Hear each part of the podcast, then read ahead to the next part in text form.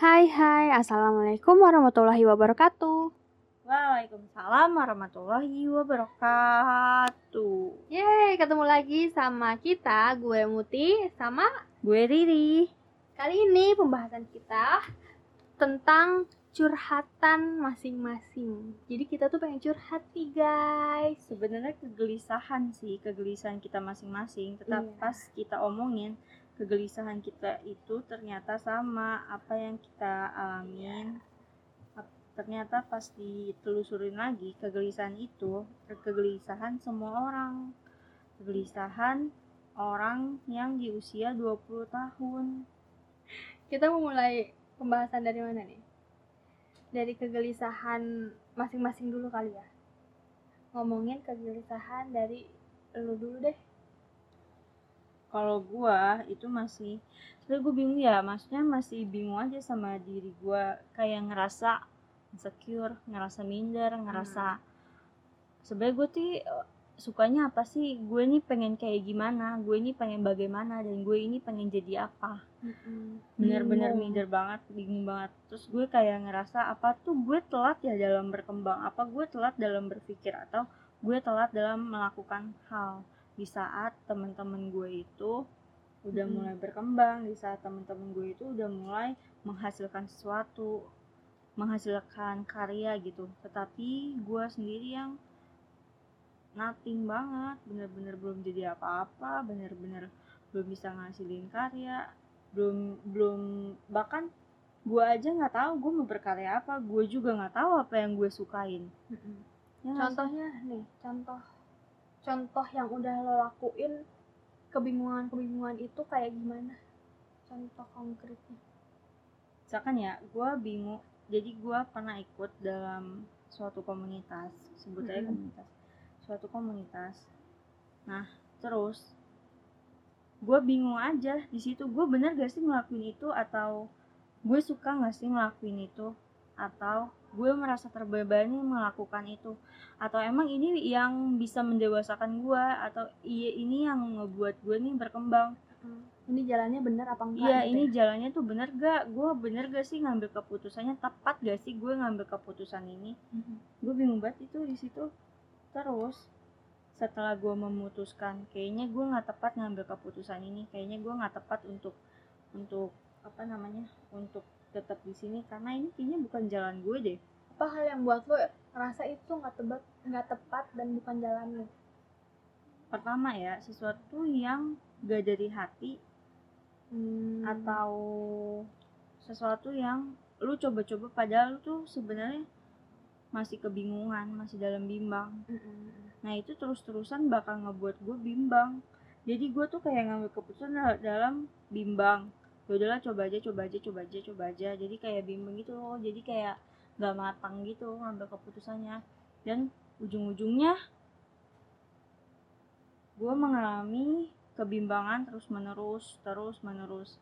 Sampai akhirnya gue memutuskan untuk oke stop gue untuk berhenti dari kebimbangan gue melakukan hal yang gue suka dan setelah gue memutuskan itu gue sampai eh, apa ngalamin masa-masa gak melakukan apa-apa. Gak melakukan apa-apa cuman melihat melihat bagaimana orang lain itu eh, fine sama pilihannya baik-baik aja gitu sama pilihannya. Sementara gue sendiri aduh gue mau ngelakuin apa ya? Gue mau ngapain ya? Gue mau jadi apa ya? Apa yang gue suka ya? bingung. iya jadi semakin bingung karena gue gak ada gak ada apa ya? Istilahnya gak ada kesibukan lagi. Gak ada Hmm, kesibukan hmm, lagi yang ngebuat gue berpikir terus Tapi buat sekarang?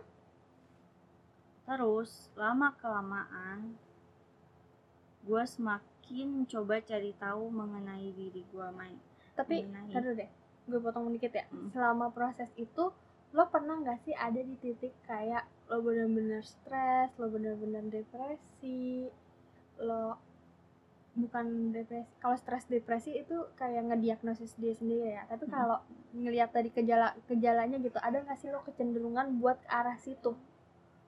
Bukan ada lagi gue ngalamin itu gue ngalamin depresi coy. Gue benar-benar mengalami eh, sakit mental ya sebutnya. Mm-mm, kalau dalam psikologi itu sakit mental. Sakit mental yang aduh ditimpa musibah terus masih bingung cari di, jati diri gue konsep diri gue kayak gimana udah gitu gue ditimpa musibah bokap gue meninggal udah gitu setelah itu tiba-tiba adanya musibah negara kan musibah negara corona kayak gini. Wah itu parah banget sih kacau asli. Makin sampai ya. gue ke ke psikiater. Gue nggak malu sih untuk bilang gue ke psikiater. Awalnya gue malu untuk bilang ini dan cuma beberapa orang doang yang tahu temen deket gue doang kalau gue ke psikiater. Dan sekarang gue omongin karena udah merasa nggak malu lagi. Jadi buat aku gue malu. Ini buat jadi pembelajaran pembelajaran penting buat gue. Dan mungkin yang nanti bakal dengarnya juga ini hal yang ngerasain sama kayak gue. Nggak usah malu untuk bilang atau untuk dicap gila. Malah orang-orang yang menurut gue yang nanti bakal cap lu gila atau cap gue gila itu orang-orang nggak berilmu ya kali ya yang bisa disebut yang bisa gue sebut kayak gitu. Mereka nggak punya dasar ilmu sih bener kalau kata lo nggak punya dasar untuk memahami apa sih psikiater apa sih apa sih? psikologi apa sih kesehatan mental atau sakit mental Mm-mm, itu benar. nggak disebut gila. Bahkan lu sendiri pun sebenarnya kalau mengalami udah stres udah nggak nafsu makan atau mikirin sesuatu yang berlebihan itu sebenarnya udah, dise- udah disebut sakit mental cuman level kita berbeda dan gua udah mengalami sampai tahap level yang Mm-mm. harus dibawa ke ahli Mm-mm. gejala stres atau udah nyampe depresi bahkan sampai dikasih obat obat depresi sama psikiaternya itu sih yang parah banget yang bener-bener ngancurin hidup gue asli ngancurin hidup gue ngancurin hidup pikiran gue ngancurin mental gue ngancurin terutama sih ngancurin pemikiran ya karena gue nggak bisa berpikir waras. Sama sekali nggak bisa berpikir waras saat itu. Yang gue pikirin pengen mati aja gue lari Hmm. dari tanggung jawab semuanya lari dari pemikiran gue yang banyak banget pertanyaan tentang diri gue pertanyaan tentang konsep diri gue kayak gimana. Tapi setelah gue menyadari setelah gue ke sana gue menyadari kalau hal-hal yang gue dia gue alami ini itu wajar. Iya. itu wajar wajar banget. Gue belajar tentang diri gue sendiri gue belajar mengenai apa sih konsep diri itu. Gue belajar mengetahui, mengetahui tentang perasaan-perasaan orang lain perasaan-perasaan diri sendiri bahkan eh, defense gue sendiri gue memahami belajar untuk memahami itu. Dan gue bangga aja gue pernah ngalamin itu. Ya benar. Gue juga sih wajar menurut gue dengan masalah-masalah kayak gitu karena uh, dengan kondisi lo yang kayak gitu gue juga ngerasa pernah ada di posisi kayak gitu. Posisi di mana mungkin situasi kita beda tapi uh, masalah kita sama gitu ya gak sih? Iya. Masalah gue hampir sama sih kayak ngikutin suatu kegiatan. Cuman bedanya kalau lo tuh kayak nggak tahu itu lo suka atau enggak gitu ya. Iya gue masih bingung banget itu. Kalau gue gue udah ngerasa suka dengan kegiatan itu. Cuman yang gue lakukan dengan kegiatan itu adalah cuman buat melakukan katarsis diri. Jadi kayak kalau gue stres gue ngelakuin kerjaan itu gitu. Jadi kayak peralihan capek stresnya gue lah ke situ tapi ternyata ketika gue ngejalanin itu terus-terusan malah gue mendapat stres baru dari situ iya gue juga tuh kayak gitu Iya kan? Nah, terus akhirnya gue mikir nih, gue berpikir buat uh, sebenarnya jalan ini tuh bener apa enggak sih? Gue suka sama kegiatannya, tapi apa sih yang mau gue dapetin dari kegiatan ini? Dan dari situ gue akhirnya ber- berpikir kalau ternyata kayaknya ini jalan yang salah deh buat gue. Gue ngelanjutin kegiatan ini. Karena kalau misalnya dilihat dari sisi gue sekarang gitu diri gue sekarang gue adalah seorang pelajar seorang mahasiswi psikologi yang ke depannya sebenarnya apa sih yang mau gue ambil dari situ gitu gue nggak mungkin gue nggak gue nggak ada keahlian buat menyatukan kedua hal itu kegiatan gue yang suka yang gue sukain sama ilmu gue yang gue dapet di bangku kuliah gitu. Hmm. nah gue nggak bisa menyatukan itu gitu loh. Akhirnya ya udah gue coba untuk memutuskan biar awalnya gue takut awalnya gue ragu kalau gue buat keluar dari situ. Kayak eh, gue bisa nggak ya ngerasain senangnya lagi prosesnya kayak gitu soalnya prosesnya itu stres tapi bikin gue bahagia. Nah gue takut kehilangan hal-hal kayak ya? gitu iya. Tapi akhirnya gue memberanikan diri untuk ya udah karena gue um, mencoba buat membuat tujuan lain dari diri gue sekarang gitu. Tujuan lain dari apa yang gue lakuin sekarang. Ngerti gak? iya paham gue. Iya jadi gitu. Ya udah akhirnya gue beraniin diri untuk buat kayak gitu. Dan gue juga pernah sempet ada di fase depresi? Iya. Atau stres? Stres mungkin ya. Kalau depresi gue nggak nggak kecenderungan ke sana gitu. Karena uh, gue pernah kayak ada di fase nangis terus padahal penyebabnya nggak tahu apa. Mental illness ya? Iya. Oh lagi oh iya Uh-uh. sih ah, ah, ah. terus gue juga pernah sempat ke psikolog sebenarnya. Kalau ke psikolog bilang gue itu termasuk orang yang kecemasannya tinggi katanya gitu Hmm. kan kecemasan stres sama de- depresi, itu kan beda beda tapi saling berkaitan gitu iya kan ya ah. Uh, jadi kayak ya tingkat kecemasan gue tinggi dan gue di situ coba buat ngelakuin terapi iya sih jangan menstigma kalau orang ke psikolog itu adalah orang yang gila yang lo bilang tadi ya Mm-mm. Itu ya kalau misalnya kita ngerasa butuh penanganan mendingan ada baiknya ya ke orang seorang apa, atau orang ahli. atau orang ahli atau konselor kayak gitu kan Nah, Nah, untuk sekarang gue ngerasa jauh lebih baik loh menurut gue. Diri gue yang sekarang, gue lebih kayak apa yang gue lakuin ada maknanya ada maknanya, ya bener. Ada motivasinya. Oh, gue pengen lakuin ini karena nanti gue pengen begini loh di masa depan gitu loh. jadi Tapi- lo udah ada tujuan dan tidak membingungkan tentang keputusan lo itu ya Sebenarnya sih masih sedikit bingung gitu, karena kan kalau di psikologi ilmunya tuh luas banget ya. Mm-mm. Nah, gue masih bingung apa sih keputusan yang mau gue ambil nantinya, ilmu apa, keahlian apa yang mau gue ambil nantinya gitu. Gue masih ada mencari-mencari di ranah situ dan gue masih belum dapat. Tapi gue udah tahu apa sih yang mau gue ambil nantinya gitu loh. Hmm.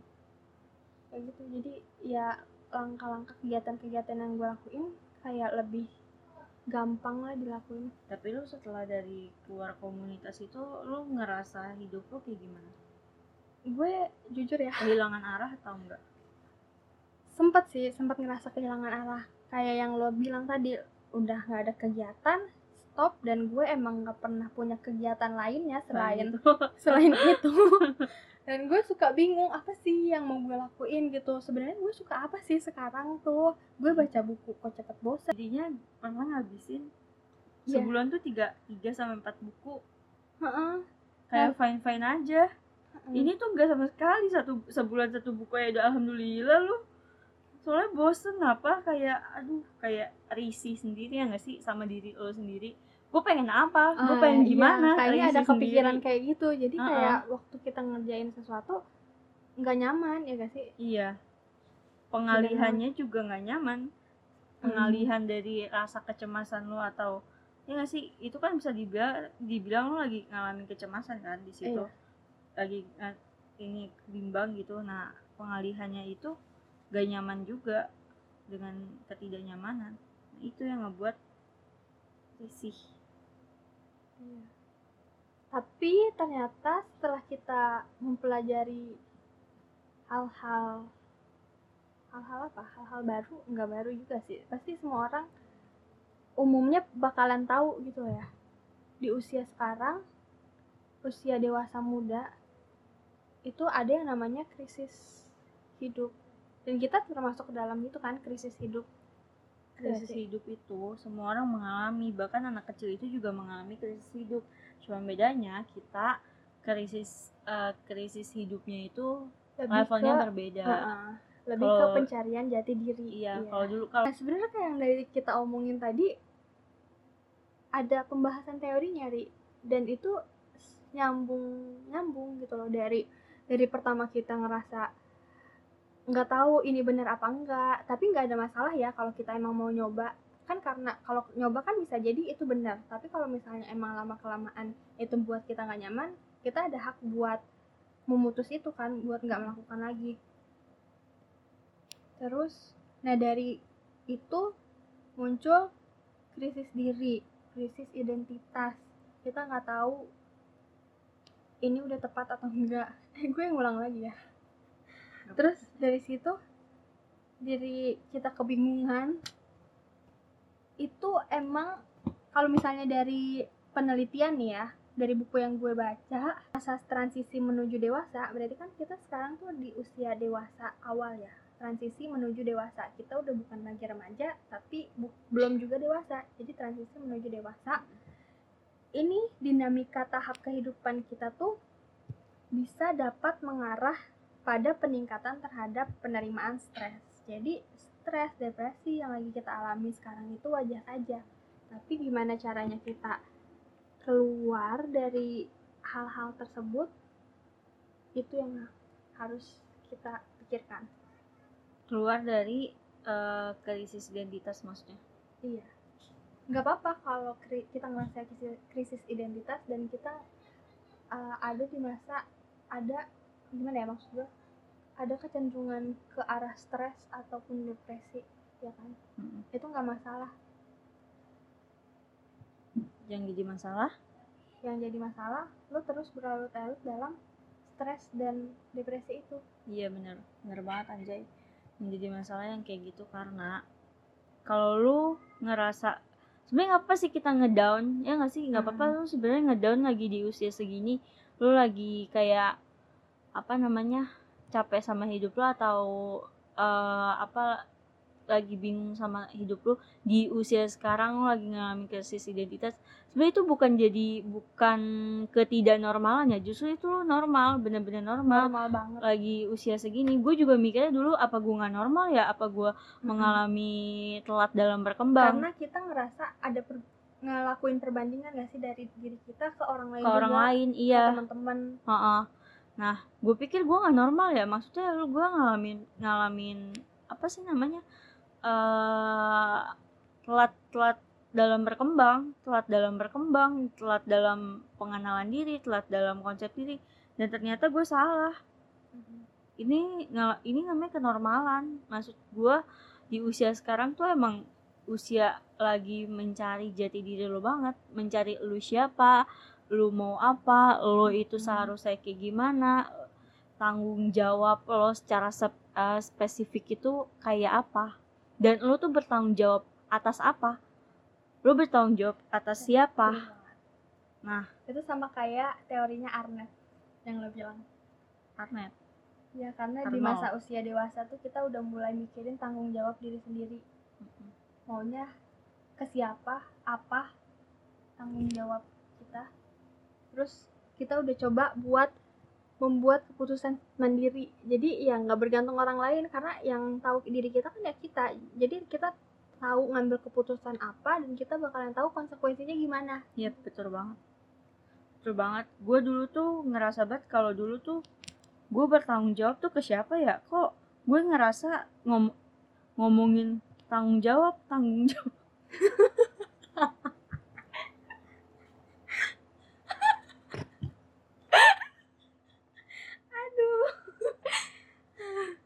gue tuh dulu ngerasa ngomongin tanggung jawab itu tanggung jawab ke siapa? Gue bingung ini gue tanggung jawab ke siapa terus ke diri gue sendiri. Tapi kok gue kayak ngerasa beban tanggung jawab ke diri gue biasa aja tapi kenapa jadi beban banget? Hmm. ternyata gue salah dalam memahami tanggung jawab. Seharusnya kita bisa mengkonsepkan diri kita kita ini bertanggung jawab bertanggung jawab atas siapa? Hmm. kita ini bertanggung jawab tentang apa dan bagaimana kita bisa bertanggung jawab. Good. Bagus banget. Iya, gue ngalamin uh, apa namanya dapat pertanyaan itu setelah gue depresi asli. Setelah gue depresi kayak gue dikasih insight tau gak sih lo untuk benar-benar mikirin mikirin banget tentang kayak gitu karena hmm. dulu gue masih bego banget ya tentang tanggung jawab masih bego banget tentang it, masih bego banget pokoknya sampai dihina-hina lu nggak bisa bertanggung jawab banget sih sampai gue depresi bukan depresi kayak emang iya ya gue nggak bisa bertanggung jawab? Emang iya ya gue orangnya kayak gini? Sampai gue kayak gitu. Tapi setelah gue ini enggak gue gue bisa kok bertanggung jawab. Dan sorry banget lu mungkin bukan bagian dari tanggung jawab gue gue bisa gue berani banget ngomong kayak gitu karena setelah gue memahami ini arti tanggung jawab itu apa arti tanggung jawab itu bagaimana? Karena banyak banget orang yang ngomongin tentang tanggung jawab tapi sendiri tuh pada nggak tahu. Maksudnya sendirinya belum memahami konsep konsep diri dia tuh tanggung jawabnya itu kayak gimana. Jadi intinya dari semua pembahasan kita sekarang tuh kenalin diri ya.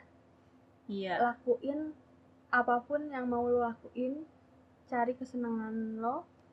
Jangan jangan terlalu banyak membandingkan diri dengan orang lain karena kita punya dimensi waktu yang beda.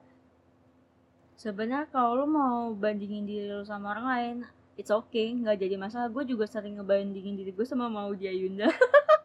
Ketinggian. Nggak apa-apa sih justru harus yang tinggi-tinggi biar kita pencapaiannya tuh katanya tinggi kan asik. mimpi nggak boleh nggak boleh rendah. iya. iya mimpi katanya jangan yang rendah-rendah ya udah gue mimpinya tinggi aja sampai mau dia iya Yunda amin amin ya Allah mudah-mudahan jadi doa amin Nah, nggak apa-apa sih kalau lo mau ngebandingin diri lo sama orang lain, tapi ingat, lo punya zona waktu masing-masing. Sementara teman-teman lo punya zona waktu masing-masing. Jadi lo nggak perlu minder, nggak perlu ngerasa diri diri lo tuh nggak normal. Diri lo nggak normal karena lo punya waktunya tersendiri. Teman-teman lo punya waktu sendiri. Eh, berjalan di zona waktu kita sendiri itu ngebuat kita sukses. Tapi kalau lo nggak berjalan di zona waktu orang lain belum tentu diri lo akan sukses. Oke. Udah? Udah pembahasannya? Lu lanjut. Kayaknya dari gue juga udah cukup deh. Oke. Cuman itu aja sih maksudnya kita cerita tentang diri kita iya. Karena banyak juga orang lain yang mengalami hal ini ternyata setelah gue kasih eh, kayak nyebar bukan nyebar sih kayak cerita ke teman-teman gue mengenai diri gue. Ternyata banyak juga yang ngalamin hal ini makanya kita memberani gue khususnya memberanikan diri untuk cerita tentang depresi gue. Dan Mutiara juga memberanikan diri tentang cerita stresnya dia kecemasan dia. Jadi jangan takut untuk bercerita jangan takut untuk kelihatan kurang. Karena nggak ada manusia yang perfect say Iya. Jangan kebingungan juga. Kalau misalnya memang di saat waktu yang sekarang, maksudnya di usia muda sekarang, ya udah lakuin aja apa yang lu mau. jangan mikul beban dunia lakuin aja yang lo mau itu sih kata nyokap gue setelah gue depresi gue dapet kata-kata itu Oke, thank you banget pembahasan Thank you. kita. Terima kasih udah mendengarkan sampai sejauh ini. Bye bye. See you in the next episode. Hahaha.